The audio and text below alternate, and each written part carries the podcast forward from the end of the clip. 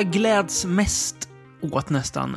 När jag börjar se moderna brittiska filmer, alltså innan filmerna har börjat, när det är liksom förtexter och sådär. Vad, vad blir jag glad av då att se att den här filmen är? Alltså innan filmen har börjat? Ja, men i typ för, förtexter och sådär. Uh, nej. Att den har blivit awarded funds from the National Lottery. Från The National Det Lottery. är ganska ofta man ser det i, eh, i brittisk film. Ja, men nu säger det så ligger det någonting. Men jag har aldrig tänkt på det förrän du det. säger det nu. Eh, när Killist kom, Ben Wheatleys eh, moderna klassiker, kan vi väl säga, så vet jag, minns jag en recension som eh, jag läste där de var arga över att en, en film där en man slår sönder en annans, man, ha, annan mans hand med en hammare Mm. har fått eh, statligt bidrag. det var de inte så glada över. Nej, nej. Och statligt bidrag till film, det kan man ju tycka är en känslig fråga. Mm. I Sverige har man väl infört något slags eh, kvoteringssystem, att det ska vara 50-50. Tittar man på vilka svenska filmer som släpps så funkar det väl sådär. Ja, det kan man ju Släpps det kanske en, en man vill se per år, om vi är snälla. Typ. Ja, Ja, två, två om vi är generösa. Ja. Ja. men typ en, en i snitt. Det är inte så jättebra. Nej, det, det verkligen inte. Det är ganska... Det är ett underbetyg. Ja. Har du någon koll på hur det kanadensiska skattesystemet funkar när man finansierar film? Jo, det ska du få höra nu. Nej, nej, nej det har jag givetvis inte. Nej, inte jag heller. Men jag vet att 1975, eller kanske 74, så fick en liten film som vi i Sverige känner igen som Frossa. Mm. Den fick statligt bidrag. Ja, det var inte kanadensarna nöjda Nej. med. Eh, originaltitel på den här filmen är, Shivers. ja, eller som den kallades i USA, They came from within. Och vem har gjort den, Rickard? David Cronenberg. Ingen mindre än Nej, Cronenberg. det är han vi ska fokusera vårt avsnitt på idag. Inte brittiska lotterier. Nej, Även om det inte. kanske låter så i början. Kanske blir någon annan gång. Mm. Eh, nej, men eh, David Cronenberg, vad, vad har du på han? Ja, han är ju en eh, bildad, skicklig och pervers man. Skulle jag säga. Bildad, skicklig och pervers. Ja, säger du emot? Nej, egentligen inte. Nej, bra. Han har... Jag tror att eh, om eh, Cronenberg hörde mig säga det så skulle han, ja, tack. Ja, det stämmer rätt bra. Han är ju inte pryd. Nej, det är Det kommer vi definitivt inte. återkomma till, att han inte är. Ja, men det, det känns som han är eh, enormt intelligent. Ja, verkligen. Det känns, känns Ja. som, om man kollar på intervjuer med honom så framstår han ju Påläst är han. påläst verkligen. Mm. Han har eh, en, så. en diger boksamling hemma. Han har ju ett, ett bibliotek hemma. Ver- Verkligen ett bibliotek. Ja, ja med precis. böcker. Men, men samtidigt så framstår han också som rätt så, så generös liksom och... Mm, eh, rolig. Ja, men precis. Rolig också. Han Ganska är- han mörk är inte- humor i och för sig, men, Ja, ja. men, Men, eh, han, är inte, rolig. han är inte liksom torr eller... Eh, eh, alltså, den bilden man kan ha av honom kanske är li- som är så här... Alltså en, en regissör som gör lite svårare film. En så kallad Det- Mikael Haneke-figur menar du? Där är vi en, en, en tråkig jävel.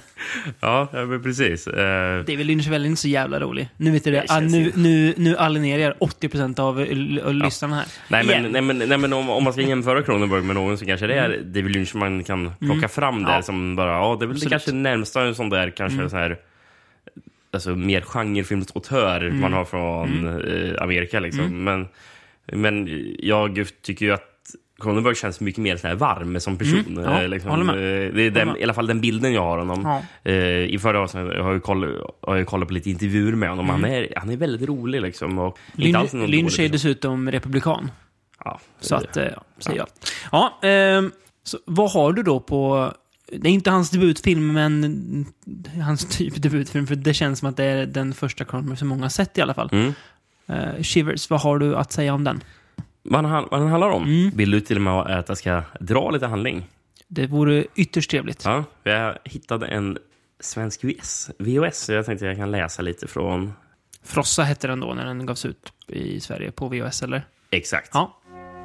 På det kända lyxhotellet Starliner utanför Montreal mördas av okänd anledning en ung kvinna av en berömd läkare som därefter begår självmord.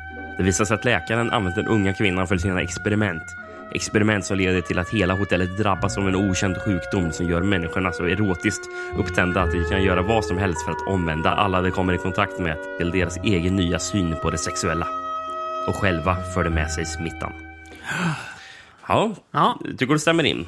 Ja, Mm. tycker det lät ganska bra. Inget lyxhotell kanske då, Starline Towers, för det är väl ett bostadshus hus va? Ja, Ja, där folk bor. Men eh, det, jag kan förstå att man, om man inte eh, tittar så noga, kan uppfatta det som ett lyxhotell. ja, ja, ja Den här precis. baksidessnubben kanske inte tittade så jättenoga. Eller Nej, hade nej. inte ens sett filmen. Kanske. Exakt. Till och med. Ja. Eh, Det står förresten på VHSen så står det eh, Frossa.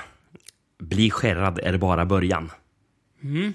Eh, och sen, sen har det, står det också Om du tror att du inte är mörkrädd, om du känner att inget kan chocka dig, om du tror att du sett allt, måste du se Frossa.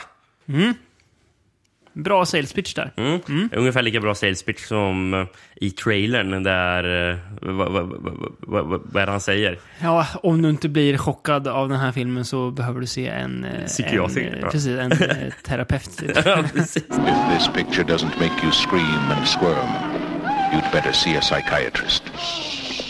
Quick. Ja. det är bra. ja. Är den så extrem då? Cronenbergs första skräckfilm. Alltså, den är ju rätt så äcklig. Är den. Eh, Det har någonting med det här 70-talsfotot som gör att den känns äckligare än vad den kanske är egentligen.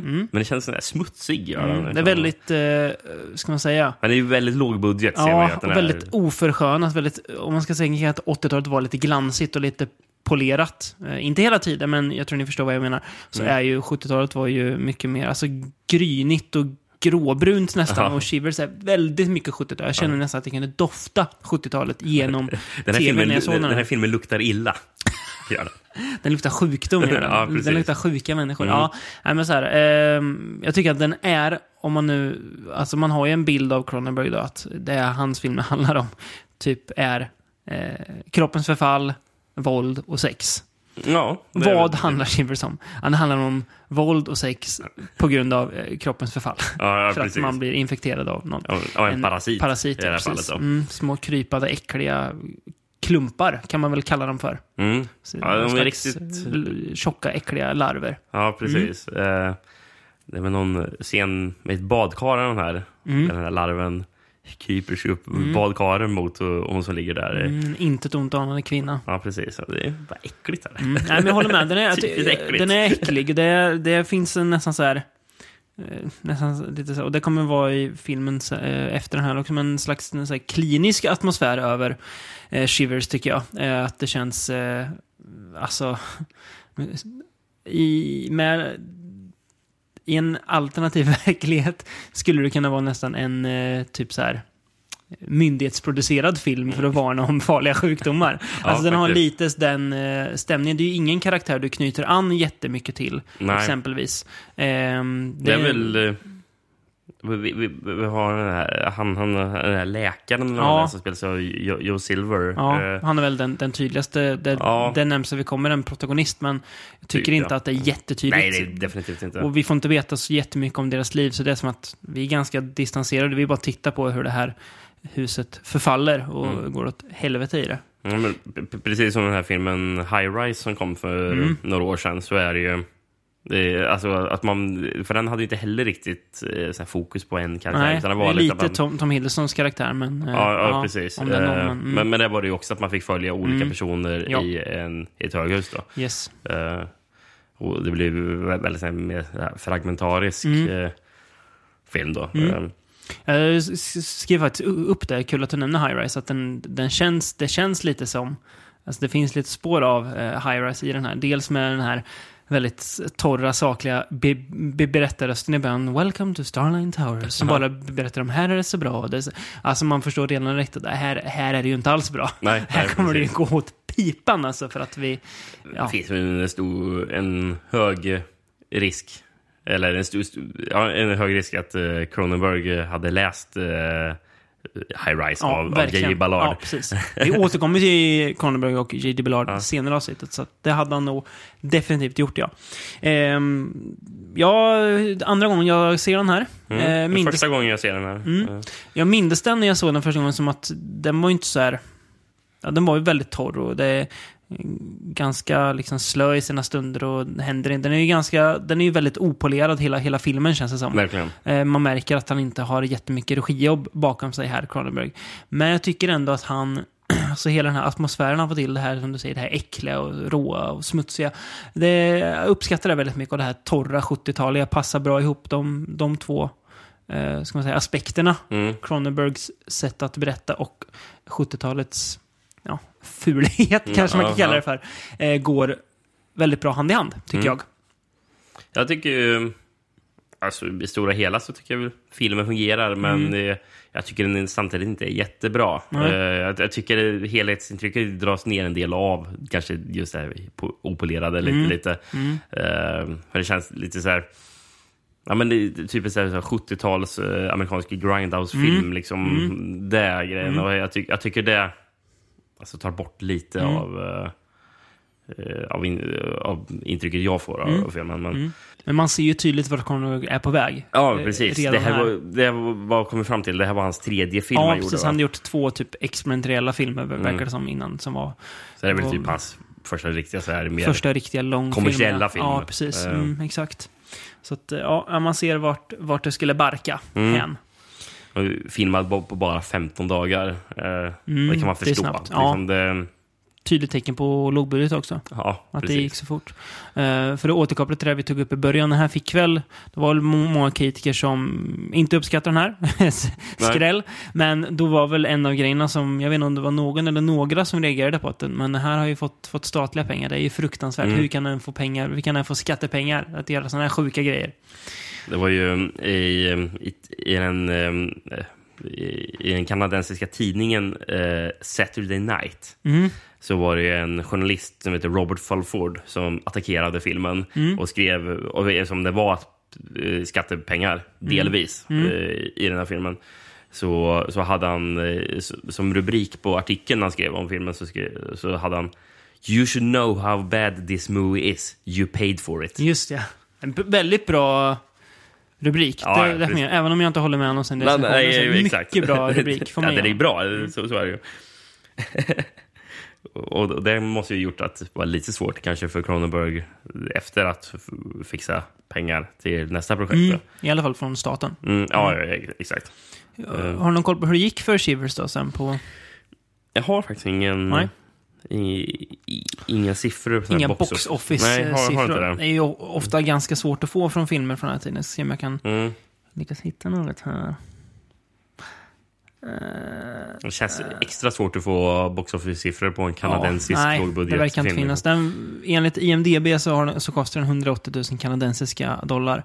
Eh, Och vad och innebär de, det då? Ja, de är mindre värda än amerikanska dollar i alla fall. Okej. Så att eh, jag vet inte vad... Ja, det var inte mycket nej, pengar då. det in, innebär väl att det inte är så jättehög budget helt enkelt. Eh, så att, eh, ja, nej, men jag tycker Cronenberg gör det bra med små, uppenbart små medel. Mm. Du sa att den hette It came from within. They came from within. Det är en ganska bra titel. Ja, det, det är det absolut. Funkar ju för Eh, Men filmen Shiv- också. Shivers är också bra. Shivers är bra, tycker jag. ehm, Mm. Vad tycker du om Working Titans som var som The Parasite Complex?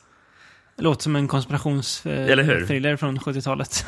Och, ja, den, och om den, den, den lät som en konspirationsthriller, vad tycker du det här låter som? Som en annan working title? Orgy of the Blood Parasite. det låter som en Grindhouse-rulle deluxe. Ja, jag, jag, jag tycker det låter här, väldigt så här Roger Corman. Ja. att någonting Jag som kan han skulle tänka producera. mig att producenterna ville ha Orgy of the Blood Parasites. Ja, eller hur? Cronenberg stod ju det här över kan vi det. sälja. Ja, precis. Ja. ja, Eh, vad, vad tycker du om österrikiska titeln då? Parasiten Murder. Det är lite dum. kort och koncist, tycker jag. Det är inte dumt. Den här hade jag, den har ju, den har ju flera taglines, men Mm. en tagline jag verkligen fastnade för. Som var T-E-R-R-O-R. Beyond the power of priest or science to exercise. den är riktigt bra. Red man inte på exorcistermågen där också? Ja, exakt. man ge dem. Det är bra. Smart. Ja, Ja. så man jobbar i reklambranschen, va? Bygger på sånt som funkar. Mm. Har du något mer att säga om Shivers eller ska vi röra oss framåt? Jag tycker vi kan skutta två år fram i tiden. Till Ja, det är två år. 1977, om jag har fått mina siffror rätt. Mm. Du vill att vi ska prata om filmer som i Danmark heter Blodig galskap?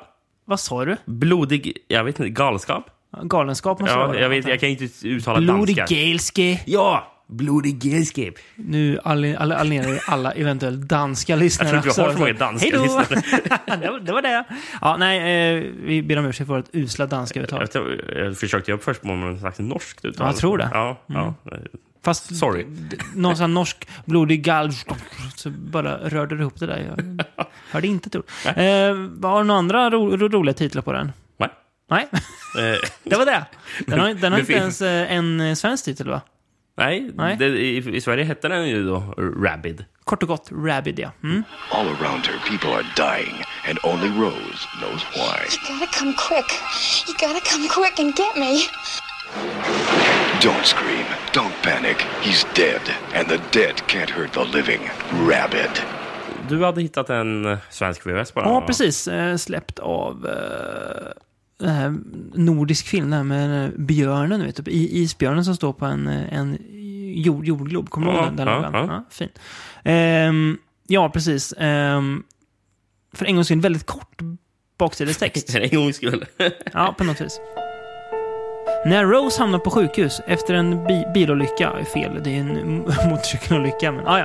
Eh, det börjar fel. Blir hon utsatt för ett fruktansvärt medicinskt experiment. Efter operationen vaknar hon upp som ett monster vars liv, livsnäring är blod. Punkt, punkt, punkt.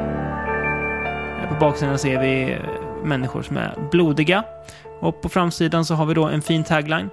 Du kan inte lita på din mamma, din närmsta granne, din bästa vän.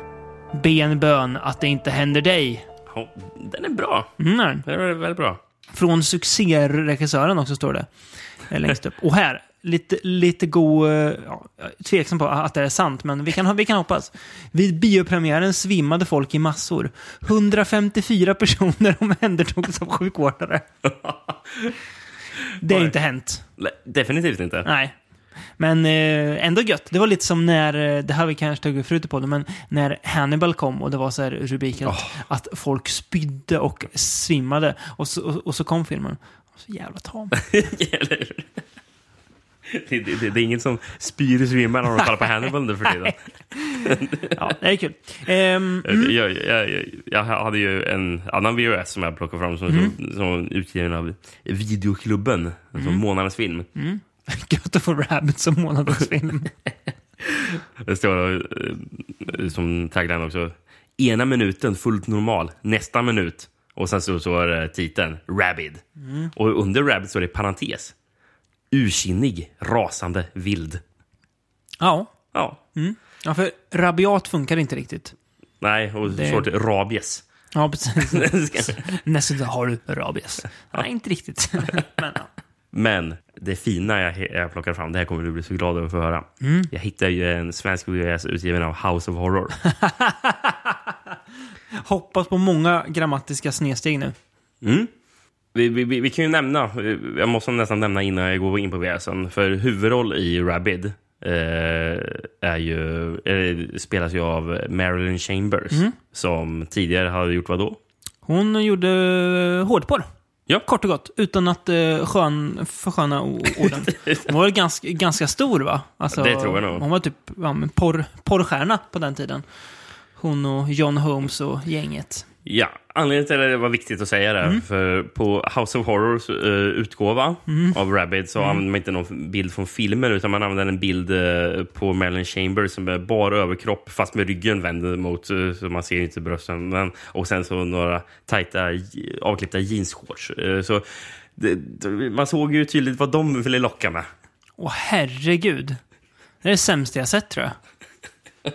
Åh jösses. Fy fan. vad, vad har de skrivit att filmen handlar om då? Det står först på omslaget Marilyn Chambers, den vackraste sexdrottningen i sin filmdebut av mästaren David Cronenberg. Okej, ja. Ja. Eh, Sexdrottning alltså. Jag ska läsa handlingen här också, för det, det, det, det är kul. Ena sekunden om helt normala, sekunden efter har de utvecklat Rabid.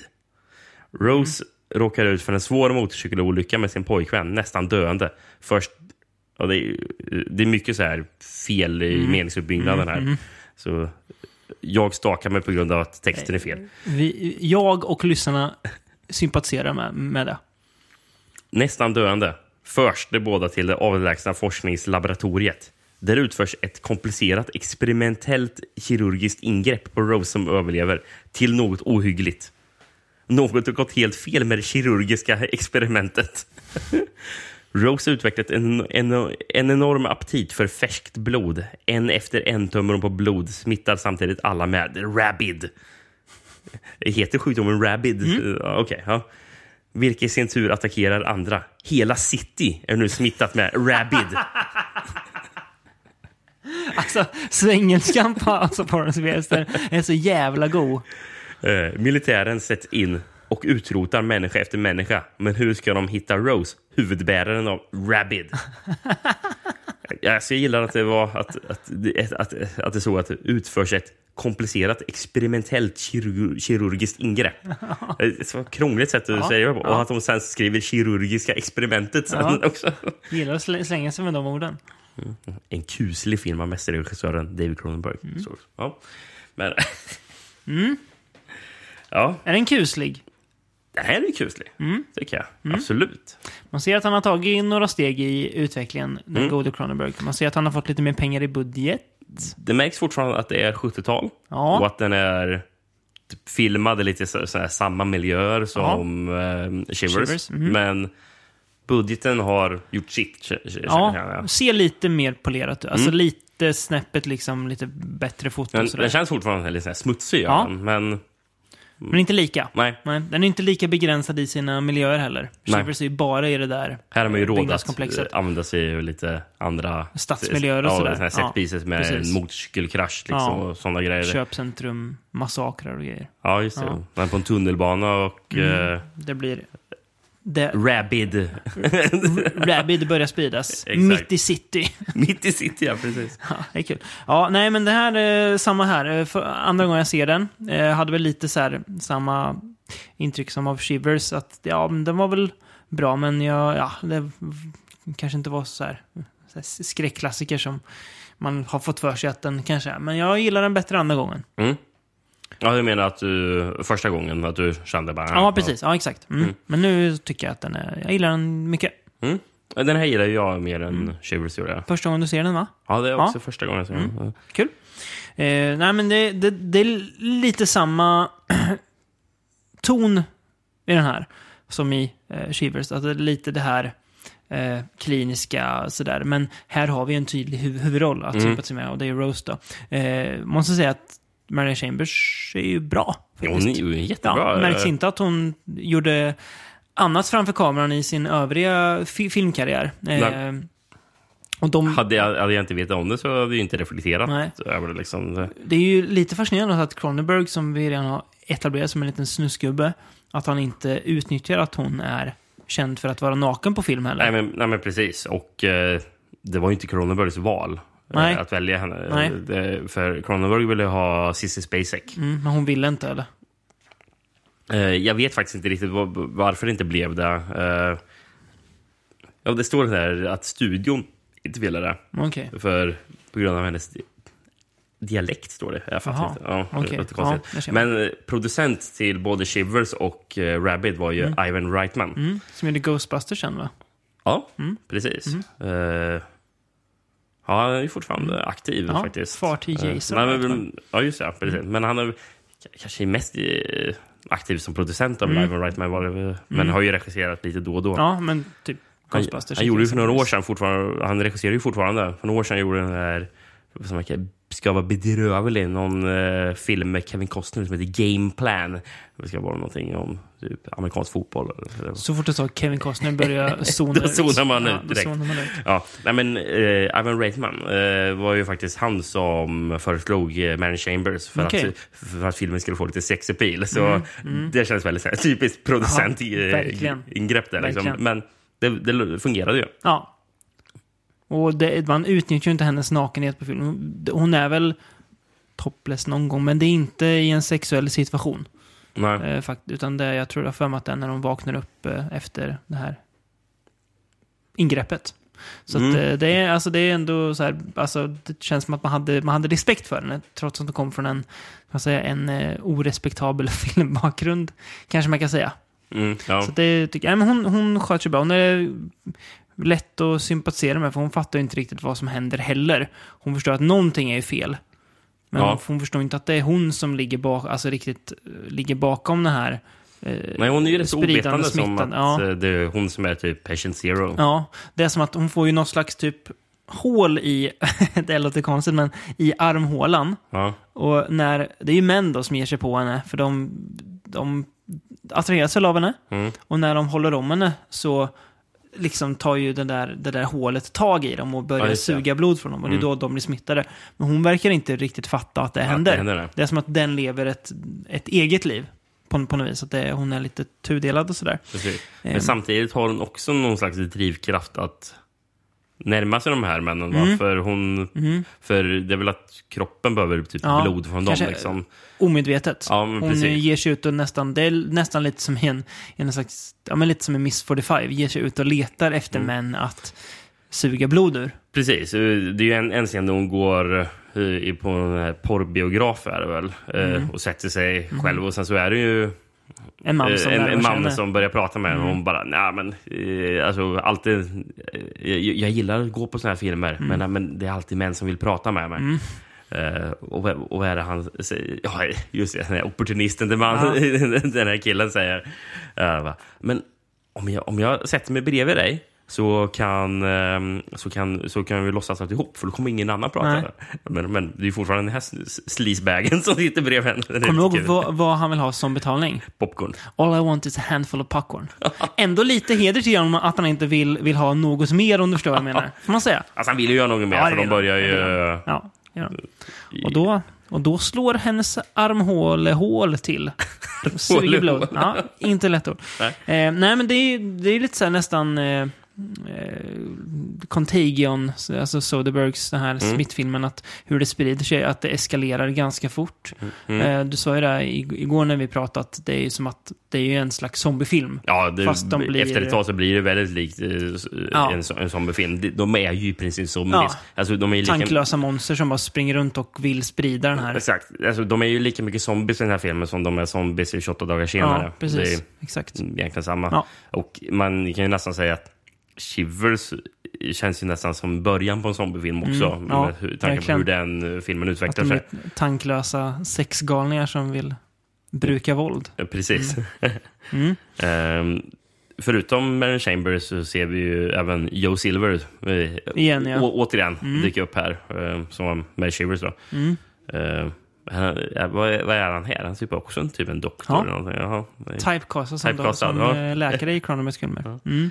Nej, men jag, jag, jag tycker Rabbit funkar väldigt bra. Väldigt eh, tragiskt slut också. Alltså nästan lite melankoliskt slut på något vis. Mm. Ja, den är mörk. är den. Mm, lyckas få till un un undergångsstämningen bra på väldigt lite pengar också. Det, Mm. det ser liksom ganska, jag ska inte säga att, att, att det ser storslaget ut, men eh, det ser eh, större ut än vad kanske budgeten egentligen tillåter, kan man tänka sig. Mm. Så att, eh, mm. Väldigt bra musik förresten Ja. i filmen. Där. I Shivers tänkte jag aldrig på soundtracket. Jag gillar, det jag gillade, jag skrev upp där också. Okej, det, jag, ja. jag tycker att det är bra Det soundtrack där också. liksom- Det är lite mer eh, minimalistiskt i Shivers, man, man kanske inte tänker lika mycket på Nej, det. eh, men, men här, här, här var Ja. det särskilt ledmotiv som Mm. började dyka upp ett par gånger. Som jag, fan, det, här, det här är riktigt bra.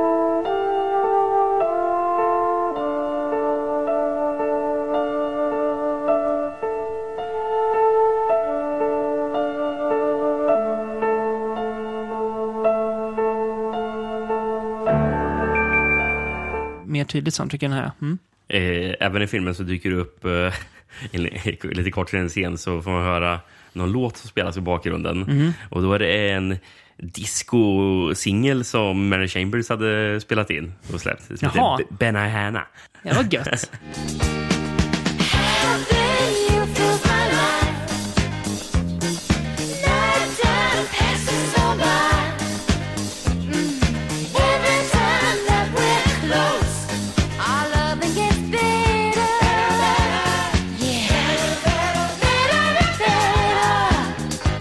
Vad tror du om eh, den remake som ska komma av Rabid som är i post-production nu? Av de usla Soska-systrarna då? Vad har vi för Tosca-systrarna? De gjorde Am- den här American Mary för American några som var sedan. extremt hypad, som jag inte fattar varför. Nej. J- Jättetråkig. Med hon från Ginger Snaps. Och sen gjorde de en kassdel i ABC's of Death 2, tror jag det var. Ja. Eh, Har Som de, inte inte gjort, har de inte gjort sådana här filmer? Är det inte någon sån här typ Sino? Evil 2 har de gjort. Jag har bara sett första med Ja. wrestlaren Kane. det minns jag inget av. Nej. Han hade en, en krok, vet jag. Kane. Mm. Ja. Nej, det känns som att eh, de inte har så värst bra omdöme, de här två personerna. Så jag litar ju definitivt inte på dem. Nej, men vi kommer se den. Mm. Och återkomma med rapport. Men jag tycker att Rabid, som den är i sin form nu, Mm. är en väldigt, ett, väldigt mycket produkt av sin tid. Men det skulle kunna gå att göra den i nutid Mm. också. Men man får ju, en, man får göra lite änd- ändringar och sådär. Men får se. De, de kanske har några SE i rockärmen, så ska systrarna. Ja, De kanske kan chocka även oss. ja, vi Även får... de mest pessimistiska männen. Ja, vi, vi, vi får se helt enkelt. Mm, får jag. Ska vi hoppa fram? Vi lämnar, Sex 70, vi år lämnar framåt, 70-talet ja. bo- bakom oss, gör vi. Ja. Till eh, mitt stora förtret. Men 80-talet är inte heller dumt, som man brukar säga. Nej. 1983. 1983, ja. Mm. Då kom ju två filmer av uh, David Cronenberg. Mm. Den ena, hans Stephen King-filmatisering eh, The Dead Zone då. Som kom samma månad som eh, Eyes of Fire, samma dag va, till och med. Som den här Eyes of Fire vi pratade om i vårt westernskräckavsnitt. Ja, precis. Med farfan eller morfarn från Silent Night Daily Night spelad av Will Hare. Ja. Man kunde välja mellan Will Hare eller Christopher Walken. Mm. Eh, men ja, The Dead Zone kom ju då. Eh, men inte Dead Zone vi ska prata om. Nej. För samma år så släppte eh, David Cronenberg eh, även Videodrome. Max Wren is a victim. I woke up with a headache. He has been exposed to Videodrome. I've been hallucinating for a while, ever since What?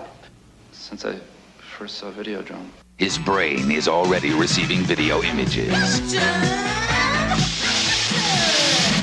Television can change your mind. Videodrome will change your body. Long live the new flesh.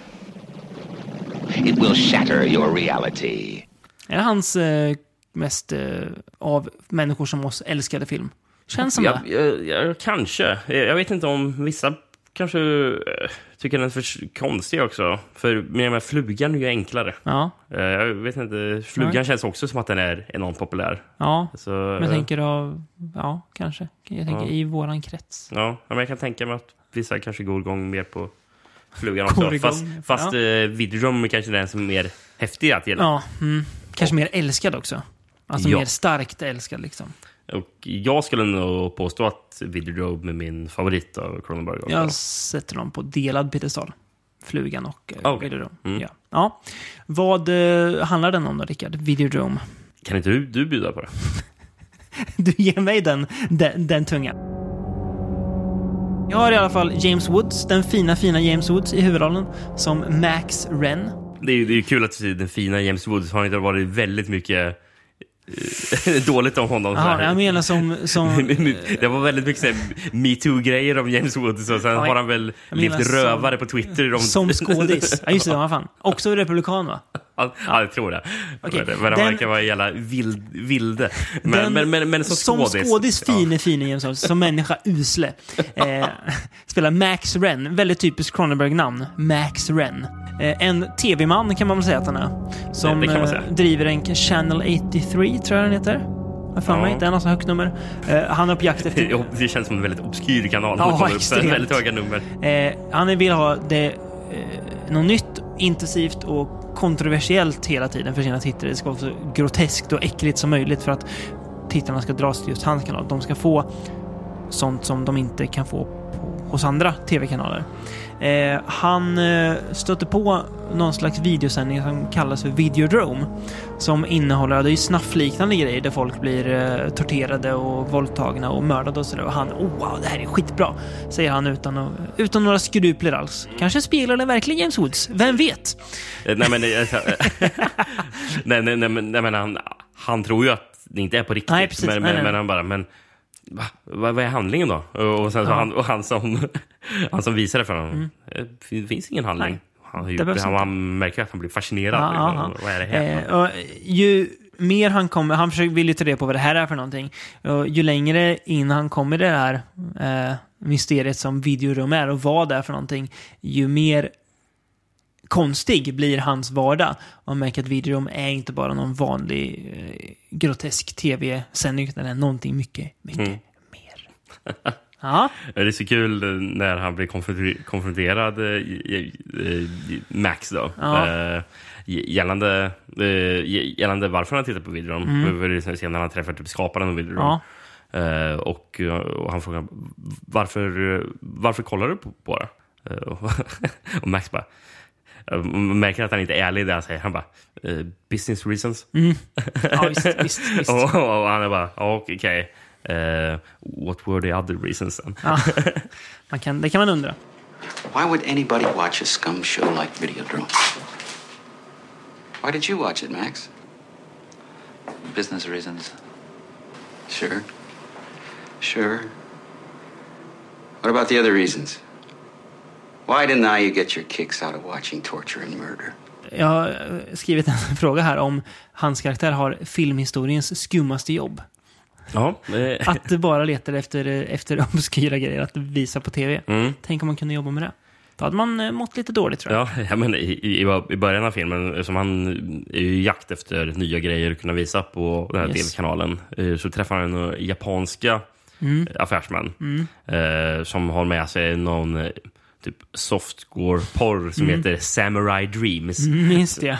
Som, som, sett, som han och två andra av sina kollegor sen uh, får man se att de sitter i ett rum och kollar på den för att se bara, är det någonting jag vill visa. Och Max bara, it's too soft. fan, är det här för jävla... Det, det, Måste ha någonting som kan chocka liksom. det duger inte för hans smaklökar. Nej, verkligen Nej. inte. Vad, vad är så bra med videodrome då? Alltså, någonting som är väldigt fascinerande med den, Mm. som jag insett mm, eftersom jag har sett om den flera gånger, att Mm. eh, det här är ju en film som, alltså på ytan så känns det som att den är, att det här är ju komplicerat liksom. Mm. Det, det är en handling som är lite där, vad handlar filmen ens om? Mm. Liksom? Det är svår, svårt att greppa. Ja, det är det. Men samtidigt är det en väldigt enkel film. Den är väldigt enkelt berättad. Ja, Men om någon skulle försöka förklara, men vad är bu- budskapet? ja det, är ju... Det vet jag inte. Nej, men den är inte... Alltså, men vägen alltså, dit är inte svår att hänga, hänga, med i. Verkligen inte. Nej. Och det är det som, för, för det brukar ju inte vara så vanligt. Utan det är inte så att, att, att, att du börjar kolla på någon av de här Suvavski-filmerna som vi pratar om. Third part of, of the Ja, night third liksom. part of the jag satt night, också och tänkte på den. Ja, precis. Ja, men någon av de eller här eller väldigt... vilken var... Di- Diabelle var ju ännu svårare. Ja, den var precis. riktigt svår den. Vad, vad, vad, handlar den om? Vet inte. Vad budskapet? Ingen aning. Nej, precis. Här så vet du vad den handlar om, men du kanske inte vet vad han vill säga med filmen. Nej, men de filmerna var ju, alltså, de, de, de var ju alltså, krångliga. Ja. Och de var även krångligt berättade. Ja, Så de var ju det- svåra hela vägen, Man måste ja. ju verkligen sitta och fokusera Ja. på ett sätt. Här. Alltså, Videodrome, alltså, den, på något sätt är det ju liksom en smart eh, eh, alltså, mm, popcornfilm. Liksom. Mm. Det- det- alltså, alltså, jag skulle, även fast jag såg Videodrome häromdagen, Mm. så skulle jag lätt ikväll kunna sätta, slå mig ner i soffan bara. Mm. eh, fan, gött, kan man säga. Bara slappna av och kolla på i, ikväll igen. Liksom. Eh, Nej, men den är in, in, inte så svår så, även om den har mycket att säga. Sen är det mycket så här, bis, alltså bisarra inslag. Det här om Cronenberg handlar om att kroppen förfaller, så Videodrome. Eh, förutom flugan då kanske, eh, det tydligaste praktex, praktexemplet när James Woods börjar stoppa in videokassetter i sin kropp och plockar ut pistoler ur kroppen och grejer. Det är Ja. verkligen det här, alltså symbios mellan också eh, människa och eh, teknik. Mm. Är det ju väldigt mycket i den här filmen. Att eh, sudda ut gränserna egentligen. För, Precis, och inte bara fysiska, utan det, det har ju även också eh, det här temat med att ju mer folk konsumerar alltså, tvn Mm. så blir tvn den verklighet de lever Ja, i. exakt. Så den, TVn tar över. tvn tar över verkligheten, så den gamla verkligheten finns inte längre. Nej. Och det är det han här mediaprofeten Brian Oblivion pratar. Professor Brian Oblivion. Ja, Mycket bra namn. Ja, och han är ju noga med att påpeka det. Och så, eh, it's, it's not my given name, but Nej. my TV name. Ja, för, för han säger att i framtiden kommer alla ha tv-namn. Ja, just det. Det är lite fascinerande. Ja, ja. precis. Ehm, första, gången, första scenen man får se här Brian Oblivion, professorn, så är ju Max med på en talkshow. Mm. Eh, för han ska bli typ intervjuad om videovåld och Mm. alltså, vad, vad, vad, gör, vad gör ni egentligen? Vad, vad sysslar ni med? För med? fördärva folk med, med det här smörjan. Det, är ju typ, det är ju en väldigt tydlig agenda mot honom. Liksom. Minst sagt. Minst sagt. Your television station offers its viewers everything from softcore pornography to hardcore violence. Why? Well, it's a matter of economics, Rena. We're uh, small. In order to survive, we have to give people something they can't get anywhere else. And, uh, and we do that. But don't you feel such shows contribute to a social climate of violence and sexual malaise? And do you care? Certainly I care. I care enough, in fact, to give my viewers uh, a, a harmless outlet for their, their fantasies and their frustrations. And as far as I'm concerned, that's a socially positive act. Med, med också i den här eh, tv-soffan är ju eh, karaktären eh, Nicky. Mm. Nicky Brand som spelas av eh, Debbie Harry från Blondie. Då. Ja, bandet Blondie, precis. Och det är också väldigt kul. eh, Som hon, tanken är väl att hon ska ha någon slags alltså, motsatt åsikt Mm. mot Max. Typ. Men, men Max har en sån här utstrålning och charm. Liksom, så eh, det kän- det känns som att eh, det är ingen som är med på programledarens sida. vilket, vil- vil- vilket är väldigt roligt. Mitt i den här sändningen så, slu, slu, så slutar det liksom med Max lyssna på på vad programledarna säger och börja flörta med henne. Med alltså, Nick- med, med, med med, Nicky. med, med Nicky då, Ja, just det, just precis. det. Mm. Så de sitter och pratar med henne. Liksom. What about it, Nikki? Is it socially positive? Well, I think we live in overstimulated times. We crave stimulation for its own sake. We gorge ourselves on it. We always want more, whether it's tactile, emotional, or sexual. And I think that's bad. Then why did you wear that dress? Sorry? That dress. It's very stimulating. And it's red. You know what Freud would have said about that dress. And he would have been right. I admit it. I live in a highly excited state of overstimulation. Listen, I'd really like to take you out to dinner tonight. Och, och sen frågar ju programledaren lite senare eh, till, till Nicky. Uh, do you think eh, Max eh, is a menace to society? Uh, och då svarar hon I don't know, but he's certainly a menace to me. Jaha. En charmig jävel. ja, precis. Eh, Rick Baker har gjort effekterna. Eh, Väldigt bra, tycker jag. När, när kom den här i relation till American Werewolf? Två år efter. Två år efter. Mm. Mm. Tror den är från 81, American Werewolf. Mm. Ja, jo, men att, så, eh, ja. mm, han visar återigen att han levererar Ja, på det är den fronten. jättebra effekter. Ja. Alltså dels på den här grejen som du nämnde, att han stoppar in det videobandet Mm. i magen. Mm. Liksom, eh, hur snyggt som helst. Mm, är är det. det. Men sen är det mycket med andra såna här grejer. Eh, Max är är ju framför sin tv Mm. som börjar typ pulsera. Och så är det som att tvn är gjord av kött och blod. Mm. Liksom, som ett en levande Mm. ting. Liksom. Eh, och, eh, och, Max typ smälter ihop med tvn. Ja, men precis. Och det är en scen som är jättesnygg när Mm. helt plötsligt ur tvn så kommer en arm ur Mm. med en pistol Mm. och skjuter. Mm. Ehm, men, men, men, men just den här scenen med när tvn börjar pulsera, liksom, Mm. och för det är två stora läppar Mm. som, som pr- pratar. Så, och, eh, och Ma- Max liksom... Det här, det här är ju också vet, här Cronenberg och allt, allt sex har med. Mm. Liksom, eh, all, alla kopplingar till sex. Mm. Men, men Max liksom börjar typ smeka den här läpparna liksom, Mm. och sen så stoppar in sitt huvud i tvn och alltså Japp. in, i, Japp. in, in i munnen. Då. In i munnen, ja. Det är Ja. jättesnyggt liksom, Mm, man har gjort de här effekterna. Mm. Det, Väldigt bra. Väldigt bra sound- soundtrack också. Howard Shore. Howard Shore, Här hade han ju börjat göra film med honom. mm. Eh, var, var det Scanners den första han gjorde musik? Eller gjorde han till The Brood kanske till och med? Möjligt. Ja. Men ja, de, de hade jobbat ihop i alla fall Mm. innan videon, så det var ett etablerat partnerskap här. Ja, men eh, som, just, som skulle fortsätta ett bra tag till. Verkligen. Eh, Men just det här sound, ja, i alla, resten Mm. av filmerna vi ska prata om Mm. i det här avsnittet är det Howard Shore som gjorde Yes. musiken. Men, eh, nej, men just musiken här är så jäkla bra. För den är väldigt, Mm. väldigt minimalistisk, eh, elektronisk Mm. musik. Är det. Det som är häftigt som Howard Shore skrev musiken för en orkester och eh, spelade in sen eh, alltså det, det, som han hade skrivit på en synt. Och sen så spelade upp det här synt, det, det han hade spelat in på synten, spelade upp tillsammans med en liten orkester som spelade bredvid den. Mhm. Så i soundtracket är det mixat med orkester och, eh, och eh, syntscoret. De sitter Eh, ihop liksom. Då, då, precis. Mm. De, de, de integrerar med varandra Mm. eh, och spelar samtidigt Mm. ibland. Men ju längre in i filmen du kommer, ju mer tar synten över. För Mm. det är liksom hur det digitala tar Mm. över. Coolt.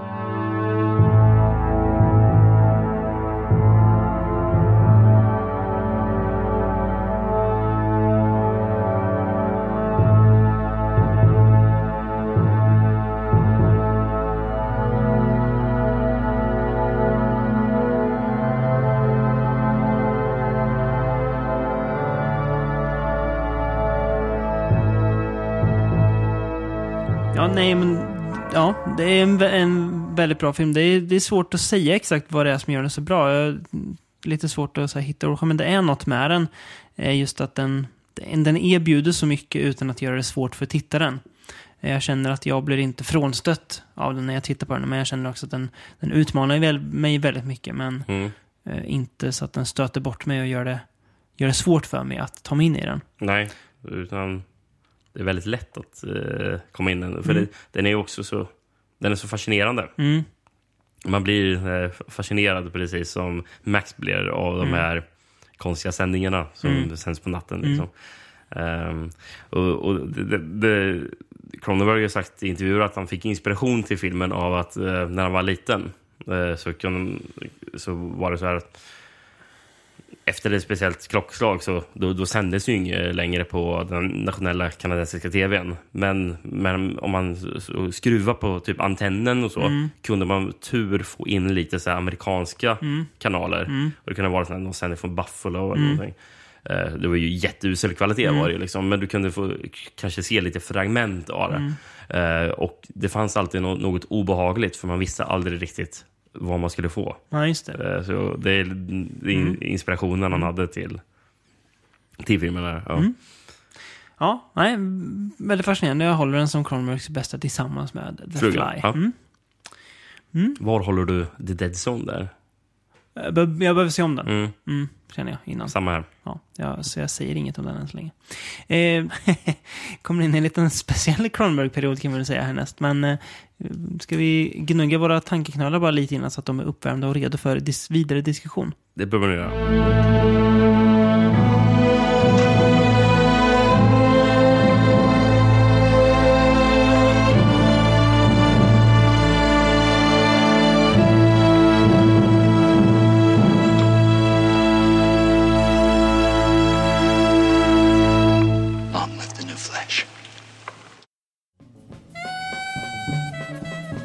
Välkommen till Svåra timmen med Rickard och David. Idag ska vi diskutera det som kallas för David Cronenbergs eh, svåra period. Som sträcker sig från slutet av 80-talet till mitten av 90-talet. Eh, Rickard, vad säger du om Dead Ringers från 1988? Ja, just nu. Det är nu det händer. Nu börjar vi komma in på det komplicerade territoriet. Det kan man säga. Nu, nu kommer det inte vara lätt för oss. Nej. Dubbelgångare hette den på svenska. Mm. Den här filmen. Hade ju först en eh, engelsk, eh, eller en kanadensisk working, ti- working title som var Gemini. ja, just det. Eh, men studion gillade den inte. Eh, Det är väl de- tvillingtecknet va, eller? Ja, precis. Mm. Eh, Så kort och gott och enkelt så döpte de om filmen till Twins. Mm. Eh, Men, det- för det här var ju 1988 som, eh, som filmen Dead Ringers kom. Och eh, Cronenberg eh, eh, fick ett samtal av Ivan Reitman då, Mm, som han hans- hade haft kontakt med tidigare. Hans gamle vän. Hans gamla vän, precis. Och Ivan Reitman producerade ju en film nu med eh, Danny DeVito och Arnold Schwarzenegger. Så han, så han frågade, kan inte jag få ha titeln Twins istället? Mm, mm.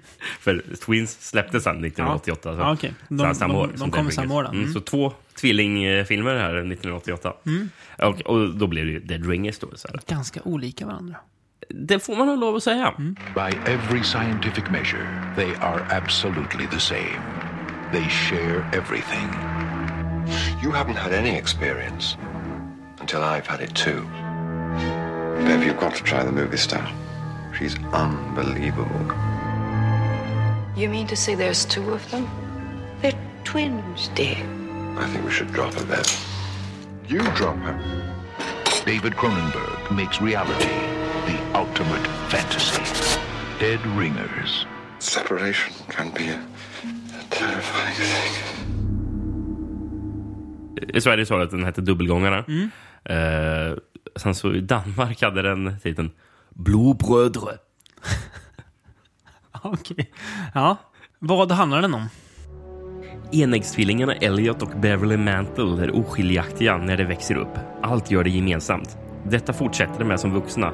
Båda blir världsberömda gynekologer. De fortsätter att bo ihop och de delar till och med på kvinnor de möter. Få kan skilja dem åt och även de själva lever i varandras liv. En dag möter de Claire Nivå, en vacker kvinna som de förstås båda blir intresserade av. Men för en gångs skull så reagerar bröderna olika. Elliot roas av förförelseleken, men Beverly blir dödligt kär. Beverlys tragiska kärlek börjar göra honom sinnessjuk.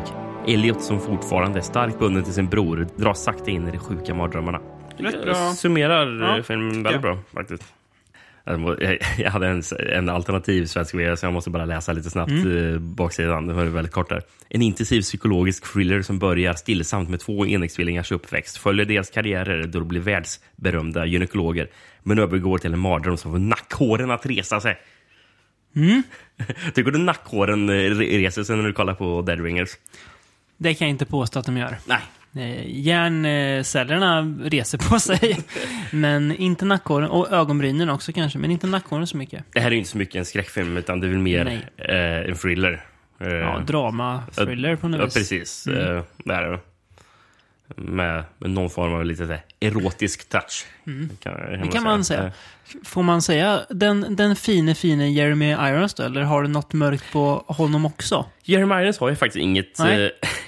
Eh, jag, jag, jag, vet inte om några lik i Jeremy Irons garderob i alla fall. Är det låga odds på att Jeremy Irons ofta gör teater? Så jävla... Det är världens lägsta odds någonsin. Är ju även röst till vad på 90-talet? Som skrämde barn över hela världen. Vem var det? Han är Scar i Lejonkungen. Ah, Det mm. Jeremy Mm. Irons. Ja. Ehm, han spelar ju då eh, det här tvillingparet. eh, Beverly och Elliot. då. Precis. Ehm, väldigt androgyna namn får man ju säga. Mm. Båda, bo, båda två. Det, det påpekas ju till och med i filmen. Mm. Att, eh, Beverly, isn't that a girl's name? Han blir ju rasande Ja. då. Bara, du, du accuse me of being a Ja. fag eller någonting. Ja. Så, jag- It isn't spelled the same, säger han också. Ja, Jag precis. vet inte Eh, riktigt vad han menar, men... Men ja, nej, men det, de är ju två, väldigt två olika. Det är ju som du sa förut i beskrivningen, att Elliot är ju mer, vad ska man säga, framfusig och eh, självsäker och Beverly är väl lite mer the brains kanske i det här, även om Mm. båda två är väl nästan genier. Så känns Beverly lite mer som den som jobbar bakom kulisserna och Elliot är mer eh, ansiktet utåt. Mm. Ehm. Men, eh, och jag tycker man märker det med den här filmen, och även innan egentligen, men- eh, det, det, det Cronenberg mest är känd för, det är ju body horror. Liksom. Mm. Han är så fokuserad på kropp, människans kropp. Mm. Liksom, och, men jag tycker ju att lika intresserad känns det som att han är av människans psyke. Mm. Och eh, det, det, det märker man ju här. Som om Cronenberg kanske är så att han ser det helt enkelt det som en del av Ja. att allt är bara en stor eh, organism liksom. Precis. Och går men, sönder men, men det känns sönder. inte som att det får lika mycket uppmärksamhet. Eh, Det här fysiska... Nej, nej, det- det- det- Eller du menar så, ja. Nej, nej, det är sant. Nej. Så är det. Det är ju kropp, det, det kroppsliga förfallet man ofta fokuserar på. Precis. Mm. Eh, Men, men, jag, men jag tycker det är lika, li, lika viktigt är ju liksom Mm. det här med hjärnan. Liksom. Hjär, hjärnans förfall. Hjärna, hjärnans förfall, kan säga att precis. vi, vi får se den här. Ja, får nej, det, det får vi definitivt se. Ja, Eh, är verkligen i, i eh, fokus här. Eh, här är ju en, eh, en ganska svår film kan man väl säga. Eh, Mm. eh, svår att sälja in också lite grann så här. Eh, den är ju ganska, det här känns det som att Cronenberg rör sig i lite, ska man säga, finare kretsar. Mm. Väldigt kompetent hantverk, väldigt bra skådisar, den Ja. ser bra ut. Det är liksom fläckfritt hantverk. Jeremy Irons är jättebra. Ja. I- som, bra. som båda. Och han lyckas ju ge dem varsin... Eh, personlighet. liksom. också, precis. Ehm, han gjorde så att när han skulle spela dem så kom Mm. han på en teknik där han spelade Beverly, tror jag det var. Mm. Då, då stod han på framsidan av foten, alltså Mm. la vikten på foten på framsidan. Mm. Och spelade han Elliot så la han vikten på hälen. Mhm. Så då, då, kan han, då kan han själv veta ve- vilken Vem- av karaktärerna han spelade Vem han just då. är, ja. Att han eh, kopplade samman med Precis, för vad han skulle behövde spela. ha någonting som liksom Ja. för, att få, Mm. för att kunna själv Mm. veta liksom Mm. vem, man, vem man var. Liksom. Och, och det gjorde att han kunde vara de här olika Mm. karaktärerna. Mm. I, I början så, så hade han två olika omklädningsrum. Så att han skulle ha ett omklädningsrum för Beverly och ett för Okej. Elliot.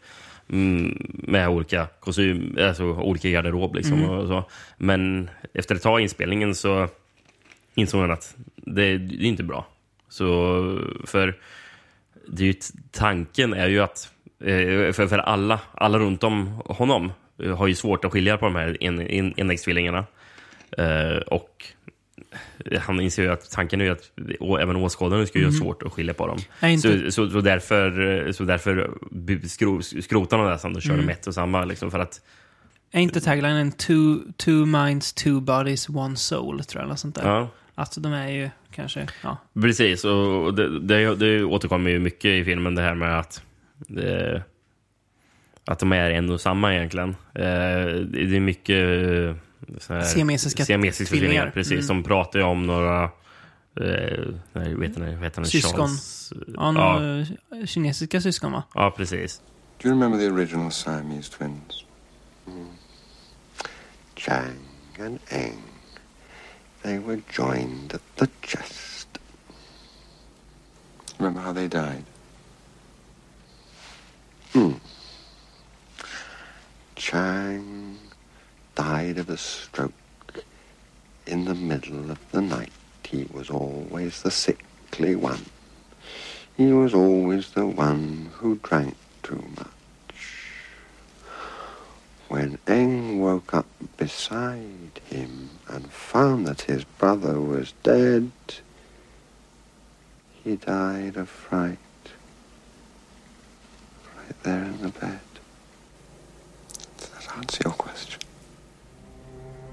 Det här känns som en film som bara David Cronenberg hade kunnat regissera. Ja. Det känns väldigt mycket hans eh, liksom, om, område. Eh, jag tycker att den är svår att koppla an till. Mm. Den är svår att få grepp om. Jag kommer inte riktigt in i den. Nej. Eh. Jag känner kanske att jag heller riktigt kommer in i den fullt. Nej. Men jag gillar den ändå. Ja. Eh, Jag är lite mer sval alltså. Jag, Ja. jag eh, vet inte. Jag tycker att Cronenberg eh, Jag- kanske håller mig lite för mycket på avstånd här. Ja, men det negativa har jag att säga, jag tycker den är lite för lång. Eh, den är ju nästan två timmar. Ja, det är lite för långt. Det är ju väl är en slow burner, men den är, säga. precis, den är väldigt långsam och jag tycker väl att man kanske hade kunnat korta den lite. Mm. Men eh, jag, jag, jag, vet, jag, vet inte riktigt. Det är svår, svårt att säga, men jag, alltså, den, jag fascineras av, av den och eh, alltså, mycket av det som gör filmen är ju Jeremy Irons. Liksom. Mm. Det, hade det inte varit Jeremy Irons kanske inte filmen hade fungerat.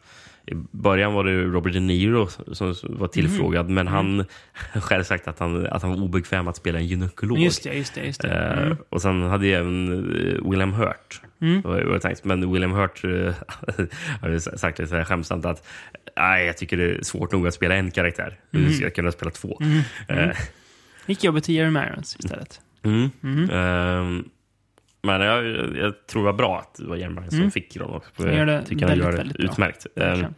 man, men, alltså, jag förstår eh, varför du kan, kanske inte tycker om den eh, så mycket. Mm. Det är andra, andra gången jag ser den också. Ja, det är Jag and, även andra gången jag ser den. tänkte jag skulle här. koppla an till den mer den här gången, men eh, nej. Den eh, flyger lite över mitt huvud. Mm. Jag, jag, förstår. Jag, jag förstår varför, eh, om man gillar mer Cronenbergs skräckgrejer Mm. mer, eh, och att och sen plockar man upp den här tänker bara, Mm. oh, det här Mm. verkar ju vara för kanske marknadsförs på i trailers och på bilder, så från, man, man får se någon sån här eh, otäcka gynekologverktyg. Liksom, Mm. Så man bara, oh, det här kommer ju spela in och det kommer bli body horror och så. Mm. Ah, Nej. Det blir det aldrig Nej, riktigt. det. Eh, Det, det är enda att Beverly mumlar lite eh, om eh, mutantkvinnor eh, Mm. och så. Som man börjar mer och mer tappa förståndet. Ja, typ. verkligen. Men vänta in inte att se massor med går den här Nej. filmen. För det är absolut inte, Inte. vad den här bjuder på. Nej. Ehm, jag skrev, mm, måste ju spela upp. ehm, filmen börjar med en scen när de, som är flashback från när de är nio år gamla. Mm. Eh, som, jag måste spela upp den dialogen för den är jättebra. Mm. För de, de, de, de resonerar eh, om sex, vad, vad sex är, de här två bröderna. Och sen så frågar de också en, en olämplig fråga till en tjej. You've heard about sex? Sure I have. Well, I've discovered why sex is. You have? Fantastic. It's because humans don't live underwater. I don't get it. Well, fish don't need sex because they just lay the eggs and fertilize them in the water. Humans can't do that because they don't live in the water. They have to internalize the water. Therefore, we have sex. So you mean humans wouldn't have sex if they lived in the water? Well, they'd have a kind of sex, but the kind where you wouldn't have to touch each other. I like that idea. Have you heard of scuba diving? It's just new.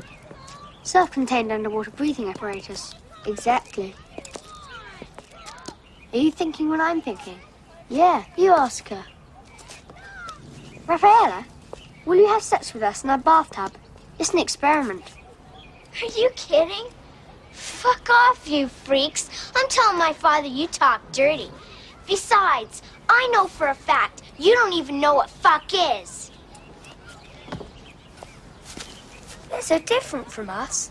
And all because we don't live underwater. Ja, eh, återigen. Hade någon annan extra kunnat få in den där eh, dialogen än Cronenberg? Mm. Jag Nej, tror inte det. Jag tror inte det. Känns väldigt mycket honom. Någonting också som känns väldigt Cronenberg, det är ju det här citatet från Elliot. Ma- Elliot då. Mm. Eh, I've often thought that there should be beauty contests for the insides of bodies. Just det, att, vi, att vi, vi pratar bara om det yttre. Vi borde titta på det inre också. Ja, precis. Väldigt Och det känns inte som att han pratar om alltså, det inre med alltså, alltså, Nej. alltså perso- Personligheten, personligheten nej, eller nej, någonting, nej, utan nej. han pratar verkligen om det inre i Japp, kroppen. Japp, det gör han verkligen. Ja. För dig som tyckte att, eh, att Dead Ringers var för, för lättsmält. Här har vi David Cronenbergs Naked Lunch från 1991. When I started writing Naked Lunch, people offered their opinions. Disgusting, they said. Pornographic, un American trash. Unpublishable. Well, it came out in 1959 and it found an audience. Town meetings, book burnings, and an inquiry by the state Supreme Court. That book made quite a little impression. Now, 30 years later, Hollywood, in its infinite wisdom, has turned it into a movie. 30 feet tall, in living color. Cover your eyes, America. Run for your lives. I thought you were finished with doing weird stuff. I thought I was too, but I guess I'm not. Nu börjar det bli svårt. Ja. Nu hänger inte jag med. Nej. Baserat på en William S. Burroughs roman. Mm. Eh, som väl har sagts flera gånger ha- ska ha varit ofilmbar. Ja. Så att, eh, ja. Så här, delvis baserad ska det ju vara. Ja. Eh, Men vi, vi återkommer till den. Ja. Två händelser ändrade drastiska insektsutrotaren William Lees liv.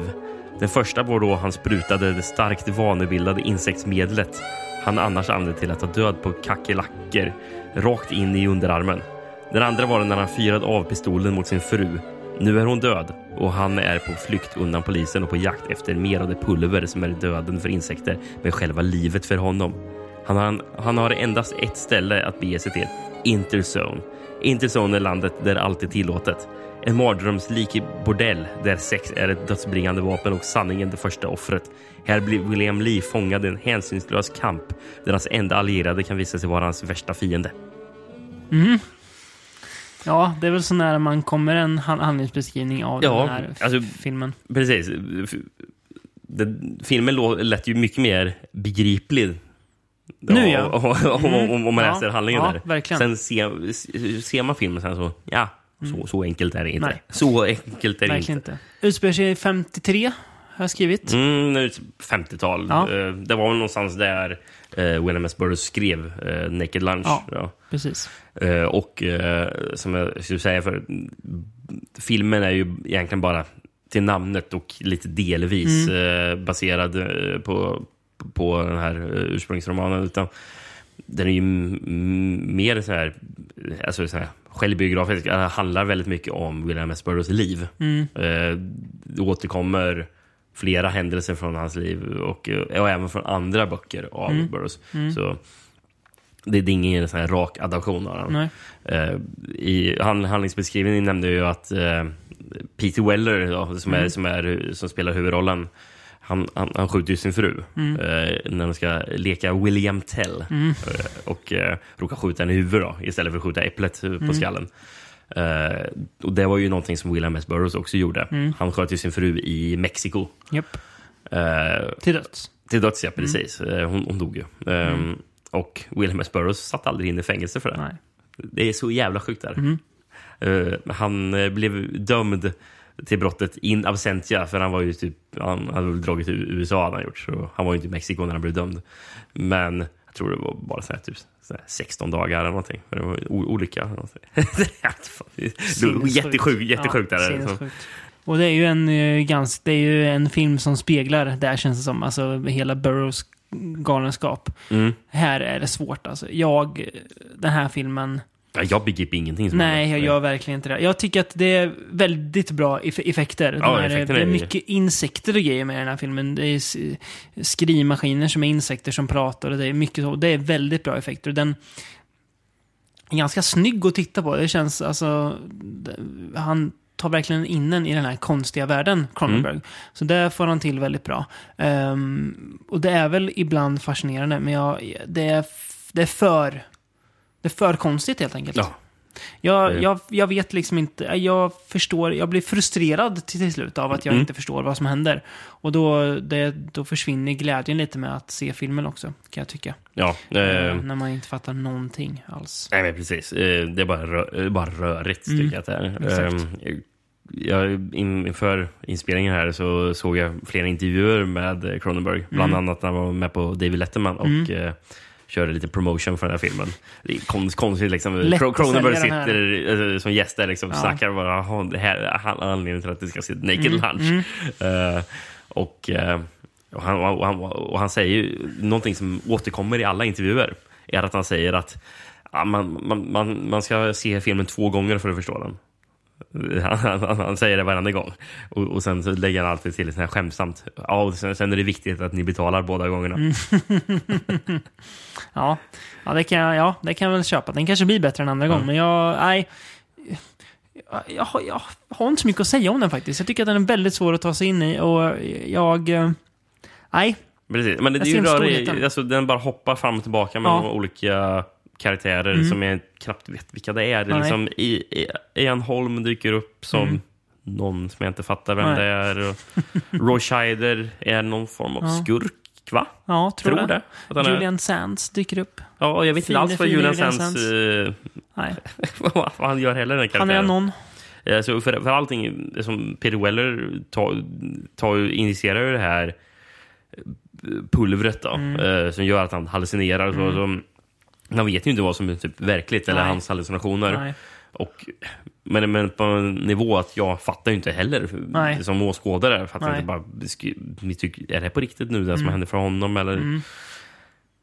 Är det insekterna som är det konstigt eller är det allt annat? Jag, Ja. jag vet liksom inte. Nej, Nej så den, Alltså, den, seg, alltså, den ju som- seglade många meter över mitt huvud. Precis, vissa av de här grejerna som händer i, i filmen Mm. eh, liknar lite delvis det som händer i när de är i dataspelsvärlden i existens. Mm. Eh, Men då visste jag att de var i en Mm, exakt. eh, Då vet man alternativ att det är verklighet. en Eh, eh, illusion, ja. Precis, men här var Ibland så tror jag att det är kanske riktiga personer. Mm. Eller ska allting tolkas som en Mm. feberdröm här? Mm. Det är svårt. Och sen, är det ju, sen så tror jag det är mycket såna här grejer som flyger över huvudet med tanke på att jag kan ingenting om William S. Burroughs. Nej. Eh, så därför tror jag alltså, må, många av de här grejerna att det ska vara referenser till hans liv och Mm. eh, referenser till hans författarkollegor och Mm. sånt som jag inte begriper. För det ska ju vara en karaktär som ska, ska, ska ju, som heter Hank som Mm. är baserad på Jack Kerouac. Mhm. Eh, och sen så är det någon annan karaktär också som är eh, baserad på Allen Ginsberg. Okej. Eh, men jag hänger inte med. Nej, Eh, inte jag heller. Ehm, men, men du sa att effekterna var i alla fall Mm. coola. Mm. Jag läste att uh, animatronics för den här filmen Mm. eh, gjorde, gjordes bland annat av Jamie Heineman, den ena programledaren i Mythbusters. Jaha. Han var med och jobbade på den Är det han med basken va? Ja, precis. Mm. Han med basken. Eh, Så han Coolt. var med och jobbade där på Naked Lunch. Mm. Så i Mythbusters, för de är ju ofta i deras verkstad och gör de här experimenten. Mm. I verkstaden ser man en av de här mugwumps eh, som är en av de här, en av, de här- ja, en av de här figurerna som är med i Mhm. filmen. Han har liksom sparat Ja, har en- han en sparat. Den- Sen står det Mythbusters-studion. Mm. Ja, det ser man. Från eh, Cronenberg till Mythbusters alltså. Ja, det är en intressant väg att gå. Ja, inte alltid lång. Föga förvånande. Den här gick inte bra på bio. Nej, jag kan tänka mig det. Eh, det var en riktig så här, box office-bomb Ja. bara. Eh, det var en budget på 17-18 miljoner dollar. Mm. Eh, den fick bara in 2,6 miljoner dollar. Ja, det kan jag förstå fullt Katastrof ut. det Ja, då. verkligen. Jag förstår det. Någonting som jag måste nämna. Det är trailern. Mm. Det här är ingen vanlig trailer. Nej. Förekommer det några klipp? Jo, lite klipp. Jo, lite klipp, Li- li- men- lite klipp från men- filmen, men inte mm. mycket. Det mest är det klipp på William S. Burroughs. Eh, som förresten är uh, berätt... Det är han som läser upp. Mm. Det är han som är rösten till trailern. Mm. Och han pratar mest... Vad vad är, vad är det han säger? Han berättar typ om, sitt, alltså, om sig själv.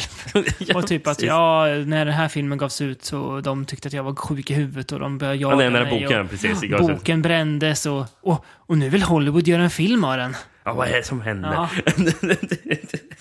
Jävla konstigt. Taglinen för övrigt på filmen var Mm. The book was banned. The film should never have been made. Too late. Lite, lite kul. Ja, det är lite kul. Men det fick inte folk gå, gå och se den ändå. Ska vi sluta prata om uh, Nögen frukost som den hette Mm. i eh, Norge då. Mm. Och sen så hoppar vi fram fem år då Mm. till avsnittets sista film. Mm, 1996 är vi på. Vi ska prata om Crash. En Oscarsvinnande Crash. Vann den Eh, Oscar? ja, men med Matt Dillon och alla de här. Den som Jaha. vann Oscar för den. Eller ja, nej, det är inte, inte den Crash. Nej, just det. Det är ju, det är ju, det är från Beyonds podd vi, vi gör, ja. Inte, inte Oscarspodden. Du, du lurar mig där. Jag tänkte, vad fan har man missat att den här... Det kan, kan det inte gjort. Men det vann, men det vann så här, typ dom, uh, jurypriset på Cannes. Ja. Den. F- Till många, många förtret, för det var vissa som absolut inte höll med om Nej. att den här skulle vinna. Nej. Uh, Tråkmånsar. extremt kontroversiell film Mhm. var det. Ja. In a society driven to extremes, two people met by accident.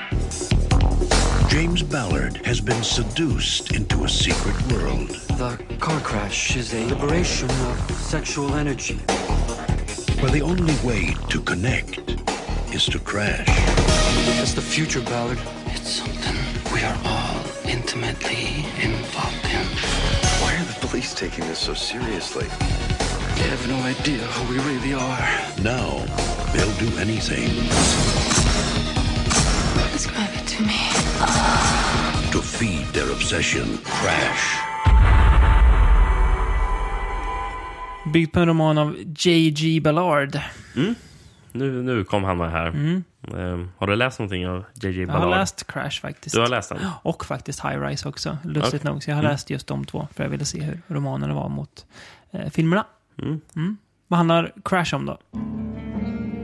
Sex och ond bråd död blandas med krossat glas och bucklad plåt i denna skakande thriller om ett par som i sin ständiga jakt efter nya gränser iscensätter den ena noga planerade bilolyckan efter den andra. Du hade kunnat... Säg bara de, de, de tre första orden igen här, i den här... Vadå, sex och ond bråd Ja, död punkt. blandas med krossat glas? Nej, sex och område död, punkt. Okej, Det hade ja. jag kunnat sätta. Ja, förlåt. Fortsätt. David Cronenbergs starka, kontroversiella thriller har med ljusets hastighet blivit kult på biograferna över hela världen. Över hela världen, okej. Rollistan är mycket stark med namn som James Spader från Stargate, Holly Hunter från Copycat, Vilka jävla filmer de inte droppar alltså. Rosanna Arquette från Pulp Fiction och läckra Deborah Unger från Highlander 3. Läckra. från Highlander 3. Läckra. Debra, från, alltså inget men vilket jävla sätt att skriva om en skådis på. Och sen från Highlander 3 också av alla filmer. Ja, ja. Och sen, Kul. Så, sen Tack för den. avslutas baksidetexten med dig för ute på vägarna.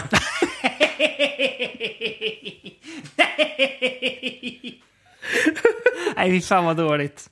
Åh jävlar vad bra. Ah. Ja. På, på, på framsidan av VHSen så, eh, så eh, är det fem stycken femmer Mm. eh, för det är kanal 5 Mm. eh, som här betyg. Då. Eh, står det ett mästerverk. Gå och se den. Våga se någonting annorlunda. Ja. Eh, Extrabladet skrev ta av säkerhetsbältet och kollidera med Crash. Ja. Och sen så information, eller någon tidning som heter Information. det var det torraste jag hört. Ja. Där står det trollbindande samling av sex och trafikolyckor. Fascinerande. Ja. Jättedåliga Ja. blurbs. Ja, väldigt tråkiga. Ja. Eh, Ska vi börja med det? Jag, jag, har- jag har skrivit eh, som anteckning, Mm. eh, första anteckningen jag skrev om filmen. Mm. Extremt kåt film. mm. Jag har skrivit eh, att det råder en kåt st stämning i filmen och att Cronenberg inte är pryd. Nej, det är han inte. Det är ju en scen när eh, James Spader och ehm, Rosanna Arquettes karaktärer eh, har sex med varandra.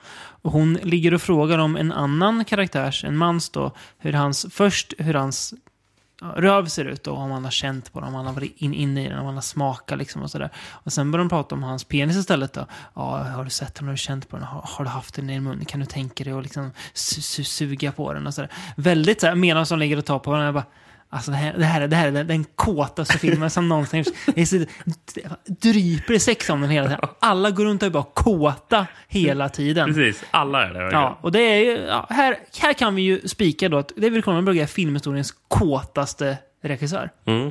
Finns det en skön skröna som jag inte vet om den är sann. Men jag vill minnas att det var så här. Att jag läste i den numera sedan länge avso- avsomnade filmtidningen Ingemar. Den var bra den för övrigt. Mm. Den övergick till att bli den här rätt så tråkiga eh, filmen, eh, tidningen Stardust. Men nog om det. Eh, Ingemar i alla fall, när den här, när Cronenbergs film A History of Violence med Viggo Mortensen kom runt 2005 kanske, någon gång där.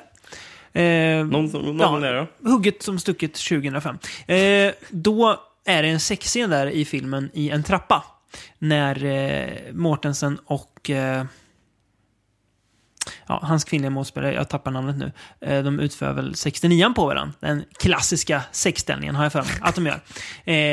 Och bara det i sig är, ja okej, Cronenberg är kåt för att tydligen så var inte det med i manus att det skulle vara någon sex utan Cronenberg bad om att han skulle skriva in sexscener i manus. för att sex visar oss som mest emotionellt och fysiskt eh, liksom fragila. Så det, Okej, det, ja. Och det ligger det faktiskt, det har han rätt i. Men i alla fall, då, skrönan som jag komma till, det var att när han skulle instruera då de här skådespelarna hur de ska göra, så visade han det med sin fru Denise Cronenberg, som jag tror jobbar som kostymör på många av hans filmer.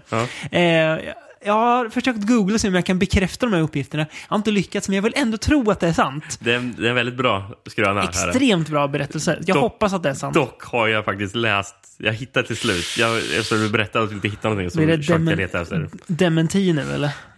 Ja, Cronenberg och Viggo Mo- Viggo Mortensen har Ja. gått ut och sagt att ja, det var någonting vi liksom hittade på Aj, eh, nej, u- under promotion-turnén. För de fick så många så här, samma tråkiga frågor. Så de, de vill liksom spicea upp Ja. det hela. Så då, då drog de ur den där. För det var ing, alla, alla, alla gick ju på den då. Ja. Såklart man tror att Ja, David Cronenberg, kan ha gjort det. Liksom. Klart han gjorde. Det, det här är ju varför man aldrig ska kolla en bra story. ja, ja, jag, jag, jag får leva med att det inte har hänt då. Eh, men åter till Crash. Det är en, en väldigt kåt film. Det handlar ju om sex egentligen. Och sen folk som tänder på bilolyckor. For example, the car crash is a fertilizing rather than a destructive event. Uh, a liberation of sexual energy. Det känns som att de tänder, går igång på skador, att vara amputerade och Mm. eh, nästan, alltså tänd på att tanken att dö också. Ja. Gärna i en bilolycka dock. Eh, sådär. I want really big tits. Out to here. So the audience can see him get all cut up and crushed on the dashboard. Så det är väldigt, ja, ska man säga. Inte film för alla. Så jag kan ju förstå att, att den eh, splittade publiken när den kom. Mm. Kritiker och publik. Jag tycker den är väldigt bra. Ja. Eh, dels är det alltså att Cronenberg lyckas få sina skådespelare att leverera de här replikerna utan att man skrattar åt det. För det är Ja. ju alltså, särskilt Rosanna Arquette. Aldrig riktigt sett henne som en skådis. Hon, hon, hon har all- alltid känts som den lite sämre i Arquette-familjen. Ja. Alltså, så här, men alltså, hennes roll här, hon är ju den kåtaste av dem alla kanske. Alltså att hon lyckas leverera där och göra det trovärdigt. Alltså, alltså man, man tror på hennes karaktär. Mm. Det är väldigt im- imponerande Mm. i sig tycker jag. Eh, att han får ur det här av sina skådespelare. Ja. Ut- Utan att det blir alltså pubertalt eller sådär. Men det, det som också gör det så jävla intressant färt man, man har kastat sig in i, alltså, alltså de är här att, att de är liksom tända på olyckor, på Mm. bilolyckor. Mm. Att de försöker hela tiden hitta nästa grej de kan Ja. göra. Att de, man, man ser att de är ute på vägarna och kör Mm. liksom. Mm. Och bara typ tänds på att försöka meja av varandra Mm. av vägen. Mm, Liksom. mm, Eh, och sen så stann... Det, det är ju en scen som är väldigt bra i filmen då, då de och kör förbi eh, en olycka som visade sig vara någon slags seriekrock. Mm. Eh, och eh, han Vaughn, som spelas av Elias Koteas, Mm. han går igång så enormt mycket Mm. det. Han har ju någon kamera med sig som Mm. han tar upp och börjar filma eller fotografera, jag minns inte Mm. vad han gör. Men, Mm. Och han bara stryker omkring och Mm. bara oh, nu hittar han mer Mm. här. Mm. Och sen så slut så hittar han en bil där han ser att det är en person han känner. Mm. Så det är ju någon i, i det här sällskapet som har gjort den, Mm. som medvetet har gjort den Mm. olyckan. Mm. Då. För de har ju hela tiden pratat om att eh, det här drömnumret att de ska göra eh, iscensätta eh, olyckan där Jane Mansfield dog. Mhm. Eh, den kra- kraschen och bara ah, din jävel. Du, du gjorde den. Men, men, men inte så här som vad fan, jag missade det. Utan han Nej. bara, fan, du gjorde den ändå. Liksom. det är sjukt. Ja, det är väl, det är ju ganska drömsk sen. Det är så att de, de lever helt utanför samhället. De, de, de Alltså, lever bara väldigt- för sitt. Det är väldigt drömsk stämning i hela filmen. Det känns som att Precis, det är en det. alternativ verklighet Ja, vi är liksom. som, de, som de är, och så är resten av samhället pågår bredvid Mm. dem på något vis. Lite kul att de i en scen kollar på en svensk... Eh, Instruktionsfilm. ja, precis. eller för hur man ska köra Ja. alltså, trafiksäkerhet. Man Ja, hör svenskarna bakom. Lite roligt. Eh, Väldigt bra musik. Jättebra Återigen, musik. Howard Mm. Shore igen. Levererar. Eh, sen tycker jag, alltså, vi har pratat om att det här är en kåtfilm, nästan lite skämtsamt, men det är alltså, det är ju en väldigt så här, snuskig och nästan pervers ton. Men Cronenberg håller den sansad hela tiden. Det går aldrig till överdrift och det känns som att Cronenberg är så säker i sitt berättande att han behöver inte liksom slå på några jättestora trummor för att vi ska förstå vad det är han vill säga. Utan han kan göra det, alltså det är ändå ganska återhållsamt på något vis. Mm. Så här, det, eh, alltså, det, av förklarliga skäl så är det en del sex i filmen. Men det är aldrig särskilt explicit eller utdraget eller Det är mer ex dåligt. explicit än vad det vanligtvis brukar vara. Ja, ja, liksom. men, det, men det, Alltså, det, alltså inte så med tanke på vad det är, för, alltså hur, hur vi har pratat om filmen. Man Nej. skulle lätt kunna tro att det är ännu mer. Ja, så att det är någon slags short bus vi har kollat på. Liksom. Kommer du ihåg den? Eh, nej. Du såg den aldrig? Nej, jag Nej, inte, aldrig inte heller. Jag minns bara att den, den såldes med att folk knullar med varandra på riktigt i den. Okej. Den kommer jag nog aldrig se. Ja, eh, men nej, men att det, alltså, den är ändå väl, alltså, förvånansvärt med tanke på vad den handlar om och sådär, återhållsam, även om den är väldigt eh, snuskig på sitt sätt. Mm. Men eh, man har ju sett mer i en Franco-film. Många Ja, gånger. ja, ja, Så är det ju. det har vi. Ehm, I Eng- England så var det mycket kontroverser. Uh, BBFC hade ju stora problem. Och sen för eh, filmen lyckades komma igenom. eh, och censuren helt, helt, alltså? helt osensurerad Ja, mm. faktiskt. Men det var ju mycket klagomål. Var det typ Daily Mail så var det någon rubrik. Det var Ban this car crash sex film. Det var det. Ja. Men, men, men, men den kom, kom ju undan censuren då. Vad fattade dock som var det i, i Westminster i, i London. Mm, Eh, i, I Westminster fick man inte visa filmen. Den var typ förbjuden i Westminster. För de hade på, så här, på typ lokal nivå förbjudit den. Ett eget distrikt som hade Men, men, förbjudit men, den, men liksom. du kunde liksom eh, åka till några andra kvarter liksom, i London. Bara, ja, nu, nu, nu kan jag se den. Cykla tio minuter så, så kan du se filmen. Så kan du se filmen, ja. Ja, precis. Ja, det är fascinerande. Nej, men det är väldigt fascinerande och det visar också lite vilken, alltså, hur Cronenberg har utvecklats också. Lite som regissör, från Shivers till Crash. Men man kan ändå se att det är lite samma person som gör filmerna hela tiden. Mm. Eh, pratar om att man kan vara autör. Cronenberg är kanske en av de tydligaste Mm. som lyckas hålla eh, sin stämpel på filmer hela tiden. Precis. Även idag skulle jag säga. Han, han är inte alltid bra. Nej, Han gjorde ju här men- haveriet Cosmopolis för några år sedan som Ja. jag avråder alla från att se. Ja, jag såg ju aldrig den. Nej, det gjorde du rätt i. Det Du han- gillade ju Maps the Ja. Stars. Jag tyckte inte den Nej. var något vidare. Men Kommer du ihåg vad, vad Cosmopolis handlar om? han åker väl bil, limousin ja, va? Men vad, Eh, vad, vad är det, han, vad är det han, han ska göra? Nej. Han ska åka och, och klippa sig. ja. Ja. Nej men, eh, men, men, men i övrigt liksom. Mm. Jag, jag tycker han fortfarande känns intressant. Han känns Eh, intressant och relevant Ja, och också. Han har väl Mm. någonting på G va? Ja, jag Eh, tror och hoppas det. Ja. Hans son har väl också något på G tror jag. Ja, för det var Brandon länge sedan. Han gjorde liv från sig. Antiviral. En väldigt Cronenbergsk film får man Mm. säga.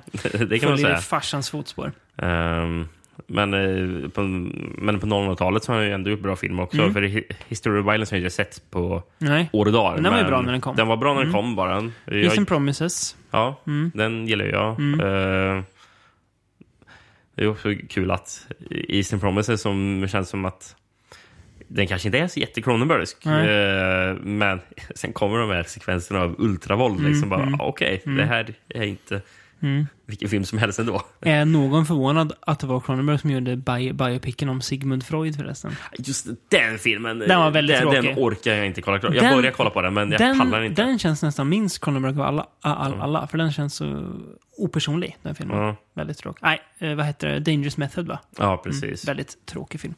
Han och Med- Michael Fassbender. Viggo Mortensen och Michael Fassbender. Han spelar väl Jung, tror jag, Fassbender. Ja. Freud och Jung. Ja, och så Eh, Keira Knightley som hysterisk och hon eh, inte så bra i den här filmen. Nej. Jag, jag, jag kommer ihåg när, gud vad vi spårar nu, men när den filmen kom så kopplade man hennes eh, roll, rollprestation till det som Ben Stillers eh, karaktär får som mantra i komedin Tropic Thunder. You never go full retard. när, när, när, Just när, man ska spela eh, funktionsnedsatt på film ska man aldrig Ja. göra det fullt ut. Ja. Keira Knightley hade kanske inte lyssnat på de råden riktigt. Hon Var för hysterisk. Full hysterical. Ja, Ja. ja. Så att, ja, nej men eh, en väldigt intressant regissör som man ändå alltid återkommer till. Så man känner att ja, men jag, jag, jag, vill, jag vill se alla hans filmer. Mm. Eh, att, Ja, men med tanke på de filmer man tycker Mm. är riktigt bra, Mm. så är det ju, då är det ju väldigt alltså, ver- verkshöjden Mm. vi snackar om. Precis. Ju, Mm. Jag tycker han förtjänar sitt eh, rykte kan man säga. Verkligen. Och sin, sin status. Ja, Mm. precis. Ja. Från Kanada är steget ganska långt till Mm. Tyskland. Till Tyskland. Mm. Vi har redan varit i Tyskland. Ja.